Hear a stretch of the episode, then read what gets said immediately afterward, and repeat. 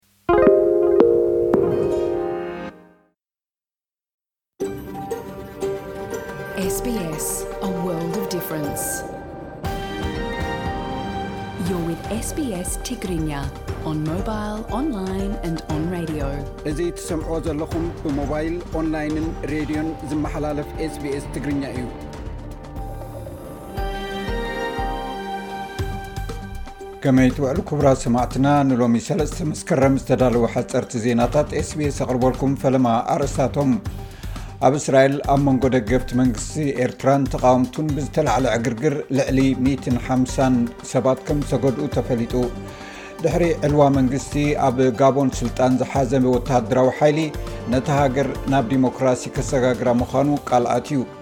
ሓለዋ ባሕሪ ግሪኽ ብዓርቢ 61 ስደተኛታት ዝፀዓነት ጃልባ ካብ ምጥሓል ከም ዘድሓነ ኣፍሊጡ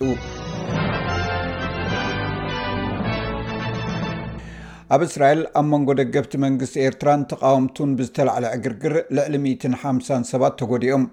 ኣብቲ ብኤምባሲ ኤርትራ ዝተወደበ ፈስቲቫል ኣብ መንጎቶም ነቲ መንግስቲ ዝድግፉን ኣንጻርቲ ኣብ ኤርትራ ዘሎ ስርዓት ብዝተፈጥረ ግጭት ኣስታት ዓሰርተ ሓሙሽተ ከቢድ ማህሰይቲ ወሪድዎም ሰላሳ ኣባላት ፖሊስ እውን ተጎዲኦም ኣለው። እቶም ኣባላት ተቓወምቲ እቲ ፌስታ ዕግርግር ከልዕል ስለዝኾነ ክስረዝ ንፖሊስ ኣቐዲሞም መጠንቀቕታ ሂቦም ከምዝነበሩ ተፈሊጡ ኣሎ።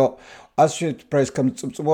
ኣብ እስራኤል ብብዝሒ ኣፍሪቃውያን ስደተኛታት ኤርትራውያን እዮም። ኣብዚ ቀረባ እዋን ኣብ መንጎ ተቓወምቲ መንግስቲ ኤርትራን ደገፍቱን ተመሳሳሊ ግጭት ኣብ ካልእ ክፋል ዓለም እውን ክረኣ ፀኒሑ ኣሎ። ዛዕባታት ዋጋ መነባብሮን ናይ ስራሕ ቦታታትን ምምሕያሽ ንፓርላማ ፌደራል ኣውስትራልያ ከዕብልሎ ትፅቢት ይግበር። ፖለቲከኛታት ሶኒ መስከረም ኣርባዕተ ካብ ናይ ሰለስተ ሰሙን ዕረፍቶም ተመሊሶም ስርሖም ክጅምሩ እዮም። ቀዳማይ ሚኒስትር ኣንቶኒ ኣልቤኔዝ ዝበዝሐ ግዜኡ ኣብ ሃገራት ኤሽያ ዑደት ክገብርን ብድሕሪኡ እውን ኣብቲ ኣብ ኒው ደልሂ ዝግበር ናይ ጂ ትዌንቲ ኣኼባ ክካፈል ስለዝኾነ ኣብዚ ቁሩብ እዋናት ዝግበር ኣኼባታት ፓርላማ ኣይክሳተፍን እዩ። ኣባላት ቦርድ ማእከላይ ባንኪ ኣውስትራልያ ሰሉስ ሓሙሽተ መስከረም ኣብ ዝራኸብሉ እዋን መጠን ወለድ እቲ ማዕከን ንሳልሳይ ወርሒ ከይተቐየረ ከም ዘለዎ ከም ዝቕፅል ክኢላታት ስነ ቁጠባ ተነብዮም ካብ ዝሓለፈ ወርሒ ጉንበት ጀሚሩ ዝነበረ ዝተሓተ መጠን ወለድ 0 ነጥቢ ሓደ ሚእታዊ ናብ 4 ነጥቢ ሓደ ሚእታዊ ምስ ደየበ ኣብ ሓምለን ነሓሰን ናይ ክልተ ተኸታታሊ ዕረፍቲ ገይሩ ፀኒሑ ኣሎ ብመሰረት እቲ ንሓሙሽተ ወርሒ ዝተኣከበ ሓበሬታ ካናዳ ኣብዚ ዓመት እዚን ዋሕዚ እቶም ብኣሜሪካ ኣቢሎም ዝኣትዉ ሓትት ዕቑባ ደው ከተብሎ ዝገበረቶ ስምምዕ ብዙሕ ውፅኢት ከምዘየምፅኣላ ተፈሊጡ ካብቲ ካናዳን ኣሜሪካን ነብሲ ወከፍ ሃገር ሓታት ዕቑባ ካብ ሃገረን ክመልሳ ዝተሰማምዓሉ እዋን ኣትሒዙ ኣብ ካናዳ ተመዝጊቦም ዘለዉ ናይ ዕቑባ ሕቶ ስደተኛታት ቁፅሮም ኣዝዩ ወሲኹ ኣሎ ድሕሪ ዕልዋ መንግስቲ ኣብ ጋቦን ስልጣን ዝሓዘ ወተሃደራዊ ሓይሊ ነታ ሃገር ናብ ዲሞክራሲ ከሰጋግራ ምዃኑ ቃል ኣትዩ። ሓላፊ እቲ ወተሃደራዊ ሓይሊ ብሪስ ንጉማ ኣብ መንግስታዊ ተለቪዥን እታ ሃገር ቀሪቡ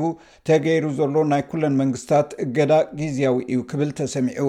ጋቦን ዳግም ውደባን ዲሞክራሲያዎት ምግባራን ሕጂ የድሊ ኣሎ ዝበለ ንጉማ ክውሰድ ዘለዎ ቅኑዕ ስጉምትታት ይኹን ሓድሽ ምርጫ ዝካየደሉ ናይ ግዜ ሰለዳ ግን ኣይገለጸን። ሓለዋ ባሕሪ ግሪኽ ብዓርቢ ሱሳን ሓደን ስደተኛታት ዝፀዓነት ጃልባ ካብ ምጥሓል ከም ዘድሓነ ኣፍሊጡ። እቶም ስደተኛታት ኣብ ደሴት ሰሪፎስ ክድሕኑ ከለው እታ ዓሰርተ ሓሙሽተ ሜትሮ ዝንውሓታ ጃልባ ብሰባት ከም ዝተጨናነቐት ገሊጹ። ኣብቲ ናይ ምድሓን ስርሒት ኣርባዕተ ሞተር ጀላቡን ሓንቲ ነፋሪትን ከም ዝተሳተፋ ተፈሊጡ ኣሎ። ካብቶም ካብ ምጥሓል ዝደሓኑ ሰባት፣ ነጋዶ ደቂ ሰባት ተባሂሎም ዝተጠርጠሩ ክልተ ሰባት ኣብ ቀይዲ ኣትዮም ኣለዉ። ዜግነት ናይቶም ብሓለዋ ባሕሪ ዝደሓኑ ሰባት እኳ እንተዘይተገልጸ፣ ቁጽሪ ናይቶም ብዘይሕጋዊ መገዲ ካብ ቱርኪ ናብ ግሪኽ ዝስደዱ ሰባት ብዓቢይኡ ከም ዝወሰኸ ተገሊጹ ኣሎ። ኣብዘን ዝሓለፋ ክልተ መዓልታት ጥራይ ኣስታት ሓሙሽተ ሚእቲ ስደተኛታት ብጃልባ ናብ ግሪኽ ኣትዮም እዮም ባር ሰማዕትና ንሎሚ ዝተዳለወ ዜናታት ቅድሚ ምዛም ኣርስታቶም ክደግመልኩም ኣብ እስራኤል ኣብ መንጎ ደገፍቲ መንግስቲ ኤርትራን ተቃወምትን ብዝተላዕለ ዕግርግር ልዕሊ 1ሓ ሰባት ተጎዲኦም ድሕሪ ዕልዋ መንግስቲ ኣብ ጋቦን ስልጣን ዝሓዘ ወተሃደራዊ ሓይሊ ነቲ ሃገር ናብ ዲሞክራሲ ከሰጋግራ ምዃኑ ቃልኣት እዩ ሓለዋ ባሕሪ ግሪኽ ብዓርቢ ሱሳን ሓደን ስደተኛታት ዝፀዓነት ጃልባ ካብ ምጥሓል ከም ዘድሓነ ኣፍሊጡ